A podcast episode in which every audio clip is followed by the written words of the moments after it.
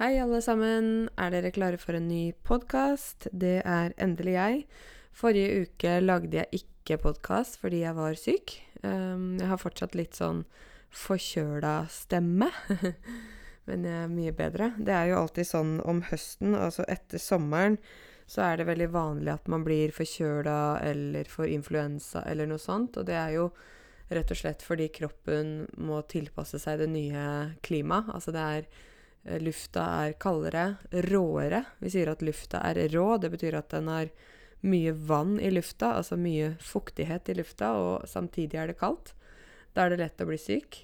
Så det er viktig å beskytte halsen med skjerf. Bruke skjerf i halsen. Uh, og bruke jakker og genser som dekker til halsen og nakken og sånne ting. Det er ikke jeg så veldig flink til. Jeg er ikke noe særlig glad i å bruke skjerf. Uh, og da blir jeg syk. Så sånn var det. Men i hvert fall, uh, nå er jeg tilbake i Og det er full fart. Um, jeg har jo hatt en del å gjøre i det siste. Jeg har vært på konferanse med Kompetanse Norge. Det var jo en ganske stor konferanse som jeg deltok på. Og det var veldig Hva skal jeg si? Det var veldig spennende å være med på den konferansen, fordi den handlet om dette her med nettbasert eh, opplæring og fleksibel opplæring, og hvordan man kan lære ikke bare ikke sant, i klasserommet, men at man også kan lære på mange måter. Og også det som handler om mm, det tekniske. Um, jeg hadde to foredrag på denne konferansen, og det var over 400 uh, deltakere på konferansen. Og så var det flere ulike paralleller. Parallell er jo i matematikken to linjer som er akkurat uh, på samme sted, egentlig. Uh, like, ikke sant? Står rett overfor hverandre. Og når vi sier at det var paralleller på konferansen, da betyr det at det var flere foredrag samtidig. Et foredrag er rett og slett når noen snakker, en person snakker, og andre sitter og hører på.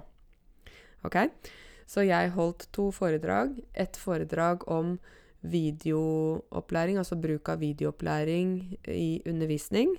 Så jeg snakket om uh, mine erfaringer med YouTube, med filmer, med nettundervisning, med hvordan jeg bruker video i opplæringen. um, Og det var mange som kom for å høre på meg. Det jeg var litt opptatt av, var å snakke litt om det at det som er teknisk og, og sånt, trenger ikke være så komplisert. For det er mange som misforstår litt der. Noen tenker at hvis det er noe som er teknisk, så må det være liksom Da er det vanskelig. Alt med data er vanskelig, og Uh, komplisert å gjøre og forstå og sånne ting. Uh, så jeg følte litt at min oppgave var å prøve å fortelle lærerne som satt og hørte på meg, at dette med uh, undervisning og digital undervisning ikke trenger å være så vanskelig. Selv det å lage en YouTube-kanal er ikke så vanskelig. Sånn at det, det var noe som jeg øh, fokuserte mye på. Um, selvfølgelig, når jeg skulle ha det foredraget, så fungerte ikke det tekniske utstyret. Vi var på et stort hotell som heter The Hub på, øh, i Oslo sentrum. Det er et øh, nytt og fint hotell, så man liksom man tenker at dette hotellet, å, det er fantastisk, alt er i orden og sånn. Men når jeg skulle ha foredrag, så fungerte ikke lyden, så fungerte ikke filmene og mange ting. Jeg hadde alt i orden på min side, men det var noe feil med det tekniske. Men Og det var jo litt ironisk, fordi jeg skulle jo snakke om nettopp om teknikk og video og sånn, og så fungerer ikke videoen. ikke sant? Typisk. Men jeg sa litt det på den konferansen at vel, når det gjelder sånne tekniske ting, så er det alltid sånn at akkurat når du skal bruke det, særlig i undervisning, så er det ofte at det ikke fungerer. Sånn var det denne gangen også. Det fungerte ikke akkurat når jeg trengte det, men likevel så tenker jeg at det var uh, Vi klarte å finne en løsning uh, der og da. Vi holdt faktisk mikrofonen nedtil dataen min, fordi det var ikke høyttalerne.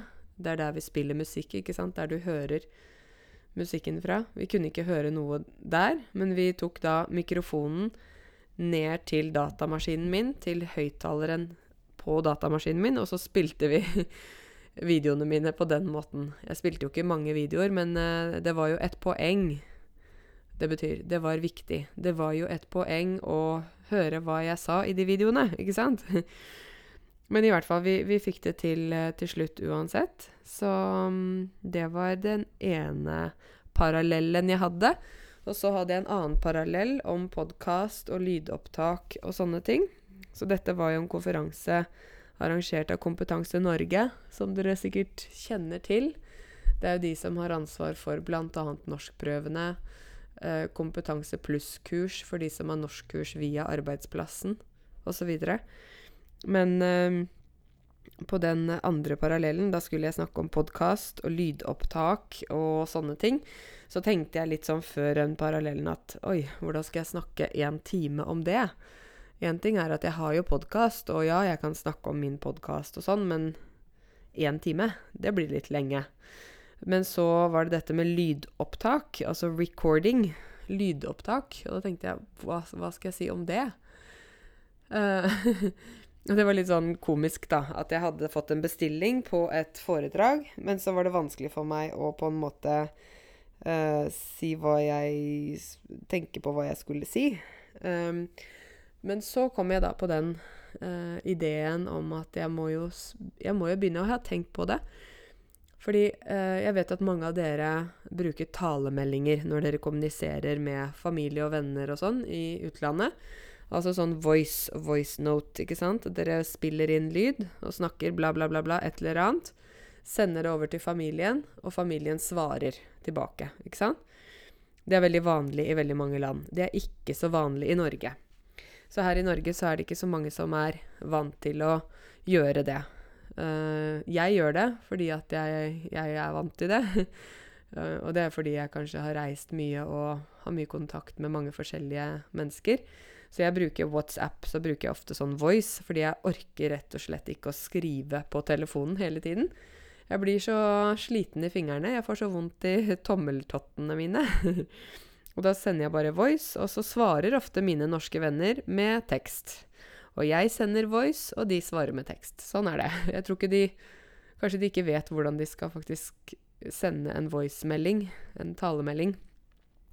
Så tenkte jeg at dette er jo lydopptak, og det må jeg kanskje gjøre noe med. Så jeg lette og lette og lette for å finne en eh, app eller noe program der jeg kan spille inn talemeldinger for jeg tenker at podkast er én ting. Det er jo et lengre program der jeg på en måte Når jeg lager podkast, så kan jeg ikke gå på gata, ikke sant. Jeg er på kontoret mitt. Jeg står ved dataen og, og Eller sitter. Nå står jeg faktisk. Jeg liker ikke sitte så mye. Man får så flat rumpe av det. Man må stå litt. Um, dere som jobber på kontor, vet hva jeg mener. Hvis man sitter hele dagen, så blir man helt sånn Ja. Det er bra å stå og sitte, variere litt. Um, så nå står jeg uh, og snakker inn i mikrofonen. Men poenget mitt er at jeg kan ikke gjøre det ute på gata eller i bilen eller sånn. Jeg må liksom ha litt ro rundt meg, jeg må ha litt tid, jeg må ha litt fred. Men disse talemeldingene da, som jeg spiller inn, de, de trenger jeg liksom ikke å være på kontoret for å lage. Jeg trenger ikke gjøre så veldig mye ut av det. Å gjøre mye ut av noe betyr at man lager veldig mye sånn jobb for seg selv, da. Så talemeldinger er veldig enkelt. Jeg trenger ikke gjøre så mye. Jeg bare kanskje jeg er ute på tur med Bahia, spiller inn en talemelding. Jeg sitter i bilen, spiller inn en talemelding. Jeg står hjemme på kjøkkenet, kommer på en idé, spiller inn en talemelding. Så det, det begynte jeg med da eh, for et par-tre uker siden. Et par-tre uker siden. Høres ikke det rart ut? Vi sier det. Et par-tre. Det blir sånn et par-tre tre uker siden. Det betyr to-tre uker siden. Um, og da fant jeg en app som heter Hear Me Out. Voice Social Network. Og det er uh, Jeg lette ganske lenge etter å finne den, uh, den appen, altså, for det er mye forskjellig. Men den er helt genial. Hvis noe er genialt, så er det veldig smart. Det er så lett for meg å spille inn en talemelding. Uh, og da snakker jeg om ord og uttrykk, eller noe jeg tenker på, eller et eller annet. Og så sender jeg det bare over. Uh, skriver kanskje en setning hvis jeg har brukt et uttrykk, da, slik at dere kan se det skriftlig også. Og så kan dere høre på det. Og de talemeldingene er på maks 40 sekunder. Så det er ikke noe sånn lange greier. Det er bare sånn liten beskjed, men likevel så tror jeg man kan få sagt en del uh, på 40 sekunder. I hvert fall kan jeg det. Jeg har ikke noe problem med det. Um, og når det gjelder um, uh, sånne andre folk da, som er inne på den Hear Me Out-appen, så ser jeg at noen bruker jo det som uh, f.eks. de driver med musikk, og så spiller de inn en del av en sang og sender liksom ut. Så kan folk komme med tilbakemelding om den sangen eller den lille verset som de har spilt inn, ikke sant. Kan de si 'Å, dette var bra', eller sånn. Så det er en måte å liksom kommunisere på, da. Og det som også er fint med sånne talemeldinger, er at Og også podkast for øvrig. For øvrig. Det betyr ja, i tillegg. Det som er fint med talemeldinger og podkast for øvrig, og podkast i tillegg, er det at uh, når jeg snakker nå, så kan det godt hende at dere ikke liker det jeg sier, eller er uenig med meg, men dere kan ikke diskutere med meg. Og det sa jeg altså på det uh, foredraget jeg hadde uh, med Kompetanse Norge um, ja, konferansen, da, 16.9., så sa jeg også det til lærerne at det som er fint med podkast og lydopptak, er at man får lov til å snakke uten å bli avbrutt. Å bli avbrutt betyr at du snakker, og så begynner noen andre å snakke, slik at du må stoppe. Det er å bli avbrutt. Man kan også bli avbrutt i noen aktiviteter man gjør, f.eks. Så da kan ingen av dere kan avbryte meg. Dere kan jo stoppe hvis dere ikke vil høre på det jeg sier, eller ikke liker det jeg snakker om. Det er OK. Men dere kan ikke begynne å krangle med meg. Så det blir sånn enveis, da, kommunikasjon. Enveis betyr én vei. Det er bare fra meg til meg til uh, dere ikke fra dere til meg. Hvis det var fra dere til meg, da tror jeg at jeg hadde hatt ganske mye uh, å gjøre, for da hadde noen kommentert, og noen kritisert, og noen sagt 'ja, det er riktig, Karense', eller noen hadde sagt 'nei, jeg er ikke enig med deg'. Oi, det hadde blitt uh, Det hadde blitt baluba. Baluba betyr at det blir mye kaos. Så vi vil ikke ha noe baluba. Vi holder oss til det enkle. For vi sier at det enkle ofte er det beste. Så det var Konferanse Norge uh, Konferanse Norge Nå skal dere høre her. Kompetanse Norges konferanse. Hjelp, det ble ganske vanskelig å holde styr her. Uh, så det var veldig hyggelig. Jeg hadde også stand. Jeg hadde en stand ute i, i, i gangen der, i pausa. Det betyr at jeg sto ved et bord, og jeg hadde liksom litt sånn reklame for YouTube og podkast og sånn. Og så da kom det jo en del lærere bort til meg og snakket med meg og sånn. Um, det som jeg syns er positivt med sånne konferanser, er jo det at uh, man får uh, bygget nettverket sitt. Både lærere og forskjellige folk som jobber med utdanning og opplæring. Jeg fikk jo møtt noen spennende lærere og noen spennende folk, så det var jo veldig fint. Og så uh, får jeg uh, mulighet til å uh, vise hvem jeg er. Og det er jo veldig fint. Og så har jeg mulighet til å svare på spørsmål og sånne ting. I etterkant Husker dere at jeg snakket om det før? I etterkant så har jeg fått bestillinger til å komme på um, sånne planleggingsdager for forskjellige voksenopplæringssentre rundt i landet. Uh, fordi de så meg på scenen og så meg når jeg snakket, og så tenkte de kanskje at de kunne invitere meg til deres skole. Så jeg skal til Mandal, og jeg skal mest sannsynlig til uh, Stavanger og til Øvre Eiker. Og i tillegg skal jeg Det er fem voksenopplæringer oppe i Nord-Trøndelag. Det var vel Verdal Jeg husker ikke. Det var fem som skulle ha en samling i Sverige i november, så da spurte de om jeg kunne være med på det. Ikke sant? Så vi sier det at eh, som, som man sår, høster man. Du vet, når du sår, så putter du et lite frø i jorda. Og så vanner du, og så kommer det liksom sollys, og så vokser det opp kanskje et epletre eller en blomst eller en plante eller tomatplante. Så hvis du sår mye, ikke sant hvis du, Det er akkurat det jeg gjør, da. Jeg putter mange frø rundt omkring ved at jeg reiser på forskjellige foredrag, seminarer, kurs. Da sår jeg, og så høster jeg etterpå.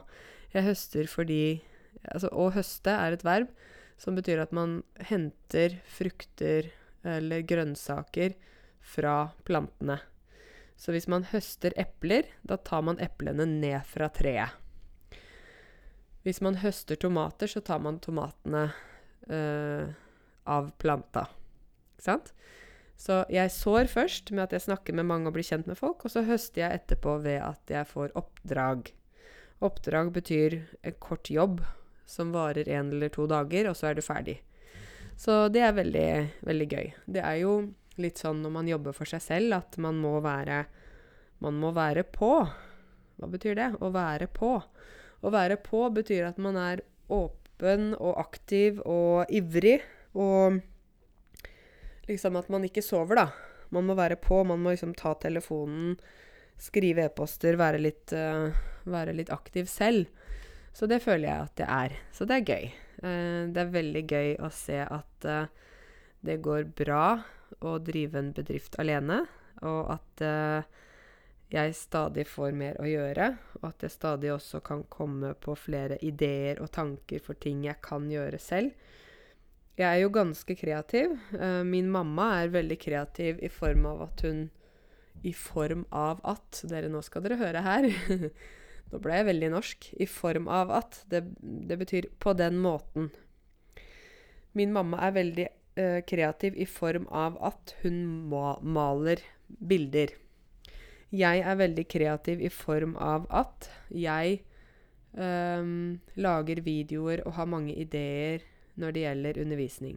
I form av at betyr liksom på den måten.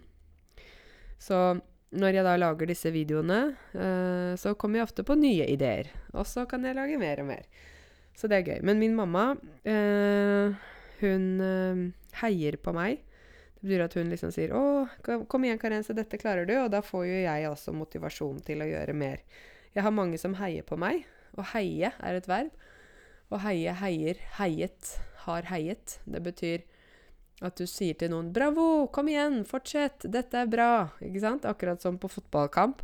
Så står ofte foreldrene på sidelinjen. Ikke sant? De står og ser på barna, og så sier de 'Kom igjen! Kom igjen! Heia! Ja! Nå må vi få mål! Kom igjen!' Da heier man og heier. Så det er hyggelig at uh, min mamma heier på meg. Og mange av vennene mine og familien også heier på meg, så det er jeg veldig glad for. Jeg heier også på min mamma. Uh, for nå uh, skal hun igjen ha kunstutstilling. Kunstutstilling, det er jo når man, man liksom viser frem sine malerier. Altså på engelsk heter det 'paintings'. Altså malerier på norsk, da. Så hun skal ha kunstutstilling 29.11. i Lier.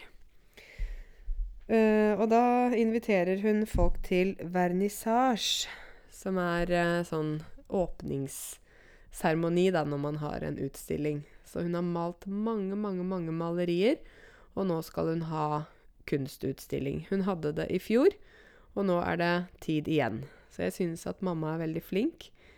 Hun er veldig kreativ og klarer å male fantastisk vakre malerier med mange forskjellige fine farger og uh, Hun maler da non-figurativt, som betyr at det ikke er liksom en Du kan ikke se egentlig hva det er. Men du kan jo kanskje bruke fantasien til å tenke hva det er. Så vi er alle kreative på forskjellige måter, dere. Apropos kreativitet. Å være kreativ forresten betyr at man har mange ideer. Ikke sant? At man tenker på mange ting man kan gjøre og sånt. Så jeg tror at jeg også er kreativ. Og apropos kreativitet, som jeg sa, så har det nå vært Oslo Innovation Week, altså Oslo innovasjonsuke. Og det er da eh, en uke der eh, det er masse som skjer i Oslo. Det handler om innovasjon. Og hva er innovasjon? Det er jo da de som finner på noe nytt, de som lager liksom Gjør at det blir flere bedrifter, flere businesser, flere ting som skjer. Og det har da vært eh, Oslo innovasjonsuke, og det har vært mange ting rundt omkring i byen. Eh, jeg syns jo det er veldig bra at vi har, eh, har, noe sånt, fordi det gjør at de som starter firmaer, gjerne unge mennesker, har en arena for å møte andre i samme situasjon. Og mm, jeg syns det er veldig bra at vi får litt mer innovasjon i Norge. Vi trenger å utvikle oss. Vi kan ikke bare bestå av kommune og stat. Vi må også ha private bedrifter og private aktører som gjør forskjellige ting, ikke sant? Så ja. Når det gjelder uh, um, noe i forhold til um, sånn som det er i Norge nå, da, så tenker jeg at hvis man har en idé for noe man vil gjøre, eller noe man vil starte, så er det ganske lett i Norge. Og noen sier nei, nei, nei, det er ikke lett, for det er vanskelig. Så sier jeg nei, det er ikke vanskelig, fordi det er jo nesten ikke konkurranse her. Ikke sant? I andre land så er jo konkurransen veldig hard.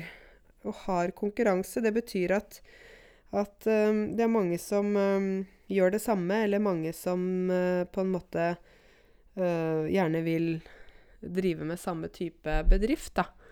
Mens her i Norge så er ikke konkurransen hard. Jeg synes i hvert fall ikke det. Så vi har det ganske greit, vi som driver bedrifter. Og så må man jo finne det som er spesielt for seg, da. Det som er spesielt for seg. For seg. Når vi har R på slutten av et ord, så blir det ofte S da blir det ofte S sterk. For seg, SEG, for seg. Så jeg er Man er for seg, for seg selv. Jeg er for meg selv, for Ja. Dere har kanskje hørt det. Uh, hvis vi har R på slutten av et ord, og så S, da blir det sj. For så For så vidt. For så vidt er det sånn. Jeg så her om dagen Her om dagen betyr da noen dager siden. Greta Thunberg. Dere har sikkert sett videoer om henne. Hun er jo en klimaaktivist. Hun er en ung jente fra Sverige som var den jenta som startet med at hun streiket for ø, klima. Uh, hun da valgte hver fredag å ikke komme på skolen. Um, fordi hun uh, var så opprørt over at uh, det er uh, problemer uh, i verden i forhold til klima, global oppvarming osv., så, videre, så begynte hun å streike. Å streike betyr at man nekter å gjøre det man egentlig skal. Så hvis man streiker fra jobb, så vil man ikke gå på jobb, ikke sant? Hvis man streiker i forhold til skolen, så kommer man ikke på skolen. Så hun streiket. Hun satt utenfor um, Var det parlamentet i Stockholm? Eller utenfor Stortinget, på en måte. Og, og, og, hadde plakater og satt der og streiket. Uh, og det har blitt mange, mange, mange som har blitt med henne. Mange unge mennesker, også mange i Norge. Mange over hele verden, egentlig. Og det handler jo om at um, man må rette fokus mot klimakrisen. Å rette fokus mot noe betyr at man skal fokusere på noe. Så man må rette fokus mot klimakrisen mot um, det som skjer ute i verden, for dette påvirker oss alle uansett hvor vi bor.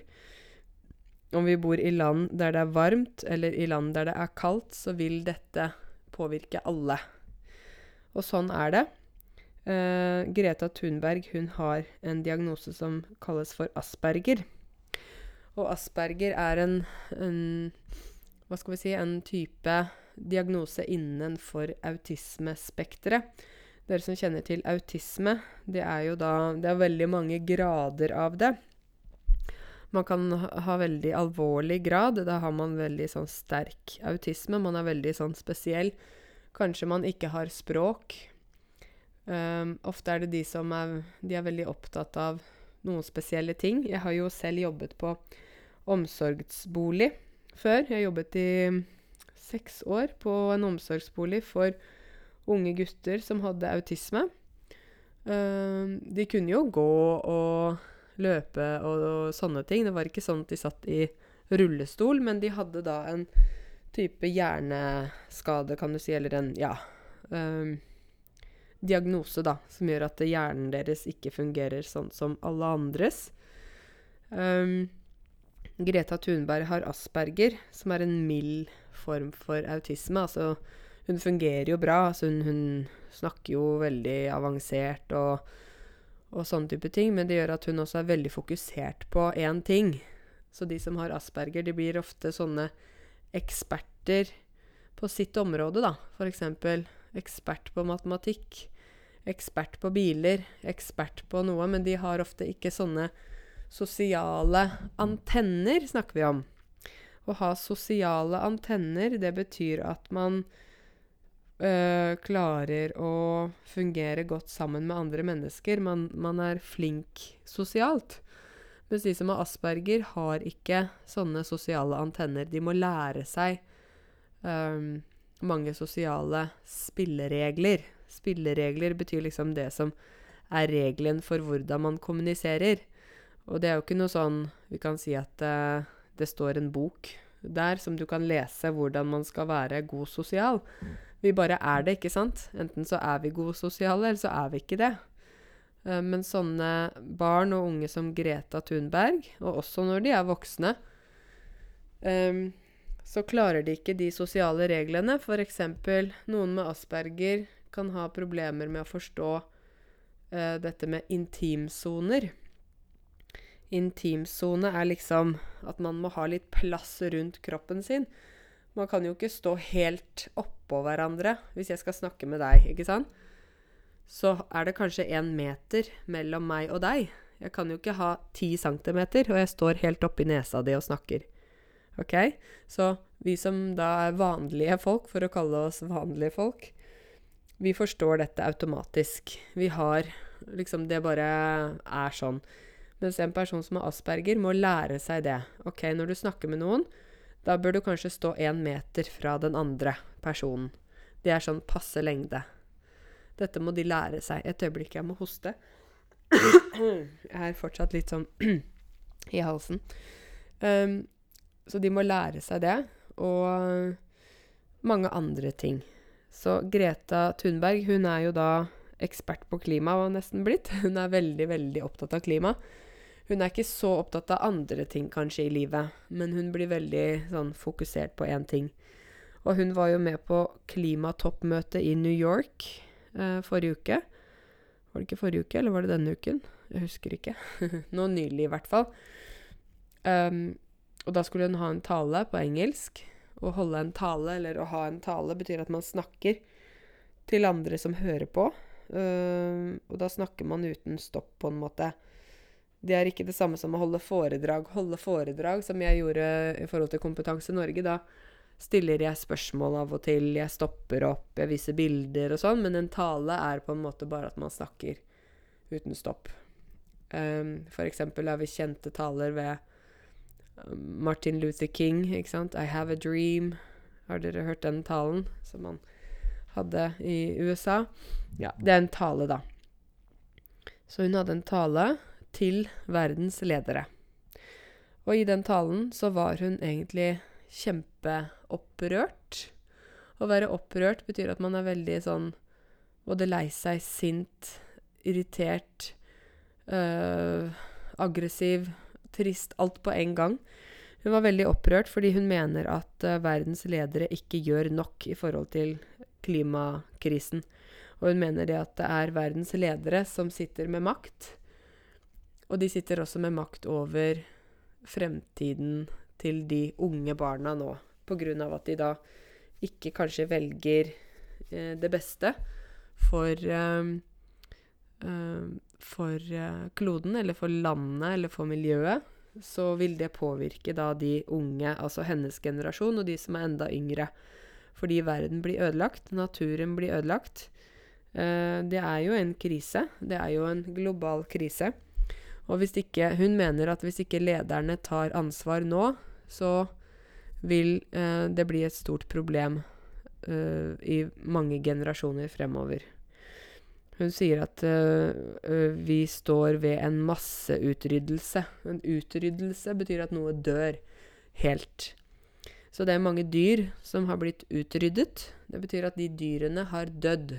Den type, den arten eller dette dyret kommer aldri tilbake. Eksempel dinosaurer. Dinosaurer er utryddet, ikke sant? Så hun mener at vi står nå foran en stor masseutryddelse av oss selv som mennesker. Uh, dyr, planter, alt kommer til å dø hvis vi ikke gjør noe. Dette er hennes måte å snakke på. Det er jo litt ekstremt. Men jeg tror det er viktig at noen sier ifra, at noen våkner opp, at noen tør å konfrontere ledere som sitter med mye makt. Jeg tror det er veldig viktig. Eller jeg synes faktisk. Jeg synes det er veldig viktig.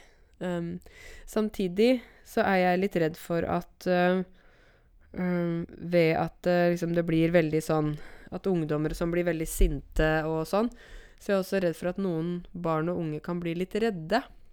Altså De blir redde for fremtiden sin. De blir redde for å dø. De blir redde for at, uh, at verden plutselig stopper opp, slutter. Uh, jeg har en venninne som har to tenåringsjenter.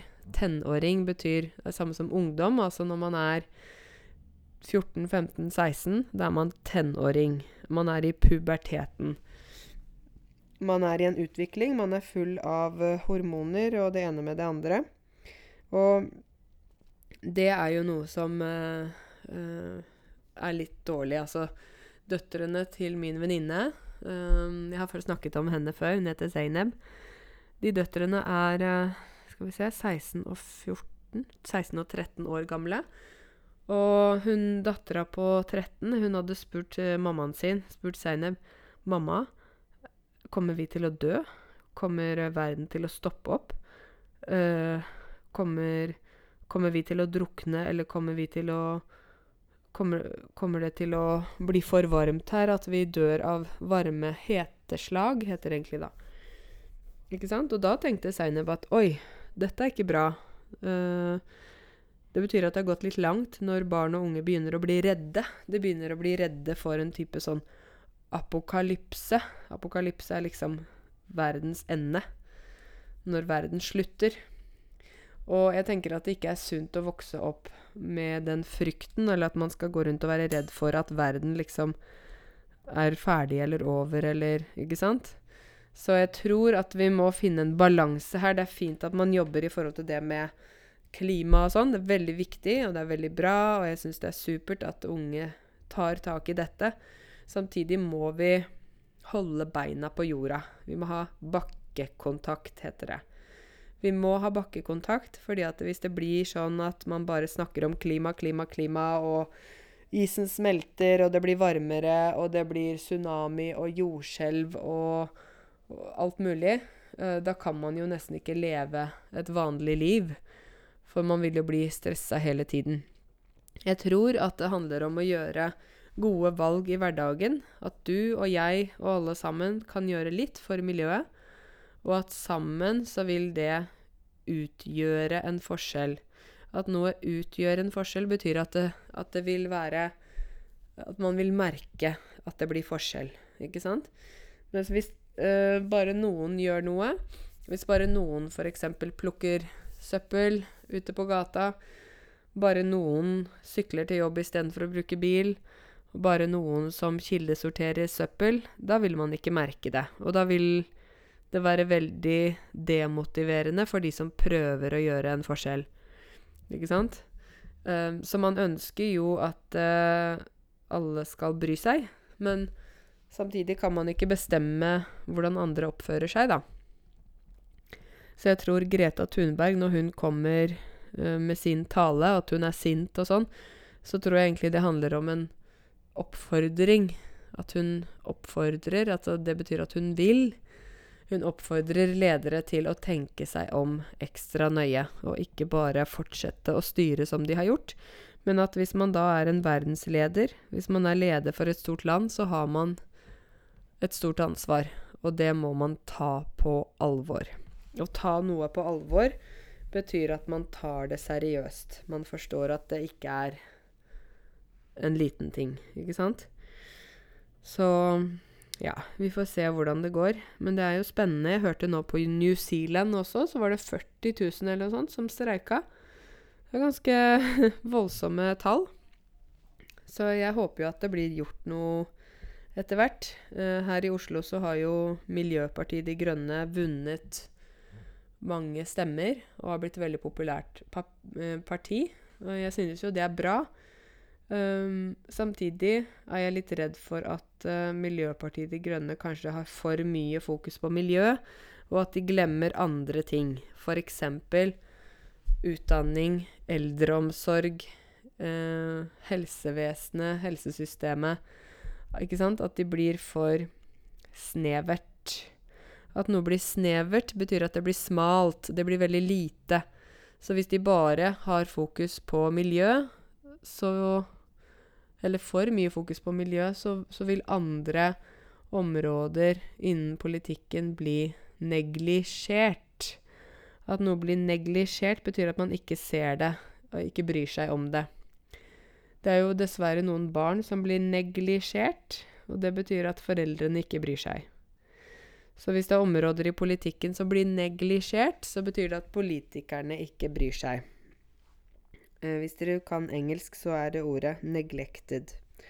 Så ja, vi må passe på at vi har fokus på litt av alt, da, samtidig. Jeg vil gjerne fortelle dere litt kort om Jeg tenkte litt på det sånn Hva vil dere vite i denne podkasten? Jeg føler jo ofte at jeg snakker jo mye om hva jeg tenker på og sånn. Men hva vil dere vite?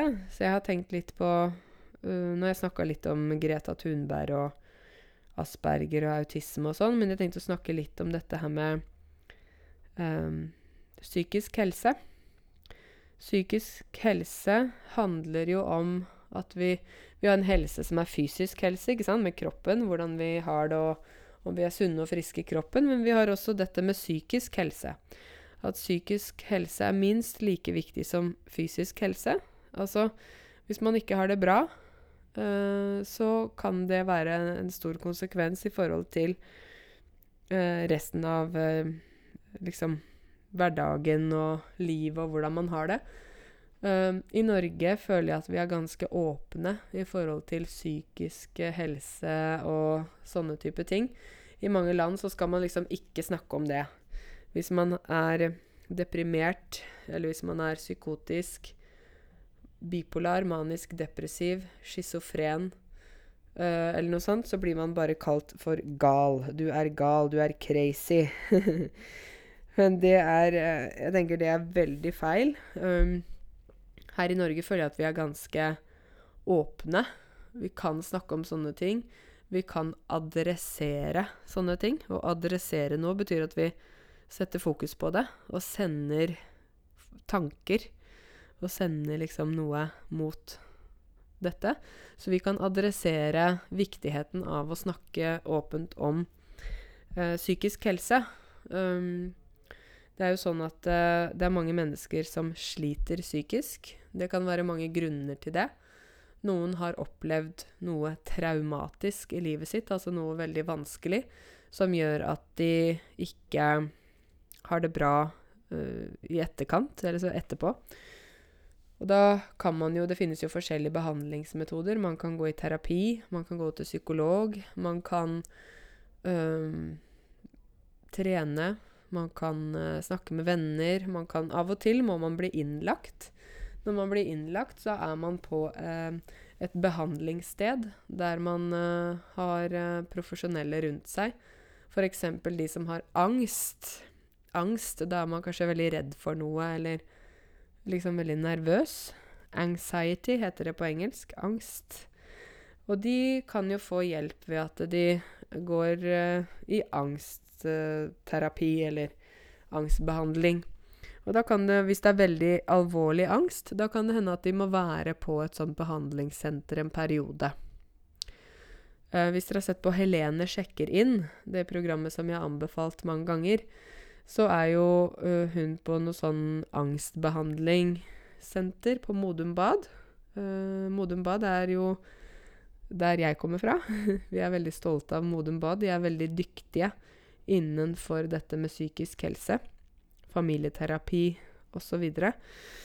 Så jeg syns det er viktig at man tenker litt på det med at uh, ja, vi kan være fysisk syke. Uh? Man kan ha kreft, man kan ha sykdommer, man kan ha diabetes, man kan ha uh, mange ting. Men man kan også være psykisk syk. Men psykisk syk La oss si hvis du er deprimert, har angst, er bipolar, schizofren eller noe sånt. Det betyr ikke at du er gal. Det betyr ikke at du er crazy, som man sier i mange land. Oh, you are crazy. Det er helt feil. Uh, bestemoren min, hun hadde um, bipolar lidelse. Eller manisk depressiv, som man også kaller det. Um, på den tiden da hun fikk sin diagnose, så Dette var jo på 50-tallet. 40-50-tallet i Norge. Det er jo så mange år siden. Da var det tabu å snakke om psykisk helse. Så min bestemor var eh, borte på sykehus. Sånn psykiatrisk sykehus. Ikke ett år, men flere år. To-tre år av gangen. Og min pappa fortalte meg at han lurte på når, når mamma, da, hans mamma, kom hjem. Fordi hun hadde vært borte så lenge. Uh, han feiret bursdag, han ble fem år. Han hadde bursdagskake med fem lys på. Blåste ut lysene og håpet at mamma kom. Mamma kom ikke, altså min bestemor. Så ble han seks år. Seks lys på kaka, blåste ut lysene. Håpet at mamma kom. Så hun kom ikke tilbake før etter tre år, på det lengste oppholdet hun hadde. Uh, og da var hun rett og slett på psykiatrisk sykehus. Uh, ingen skulle snakke om at hun var psykisk syk.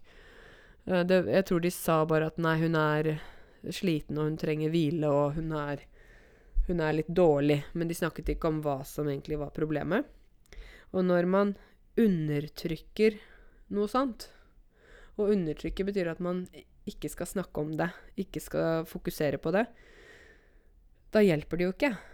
Ikke sant? Jeg kjenner jo folk som har uh, forskjellige psykiske lidelser, som er, er, normale folk. Men i perioder så er de dårlige.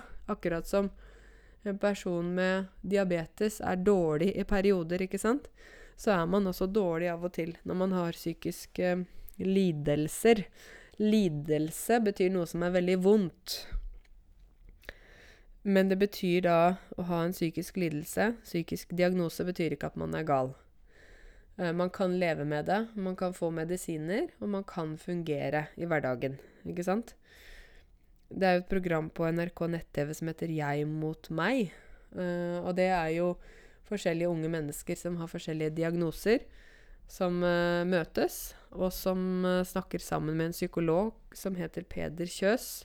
Han er veldig kjent. Um, og da forteller de hvordan de opplever hverdagen, ikke sant? De som har sosial angst, de er rett og slett redde for å gå ut. De er redde for å snakke med andre. De blir stressa hvis de er rundt mange mennesker samtidig.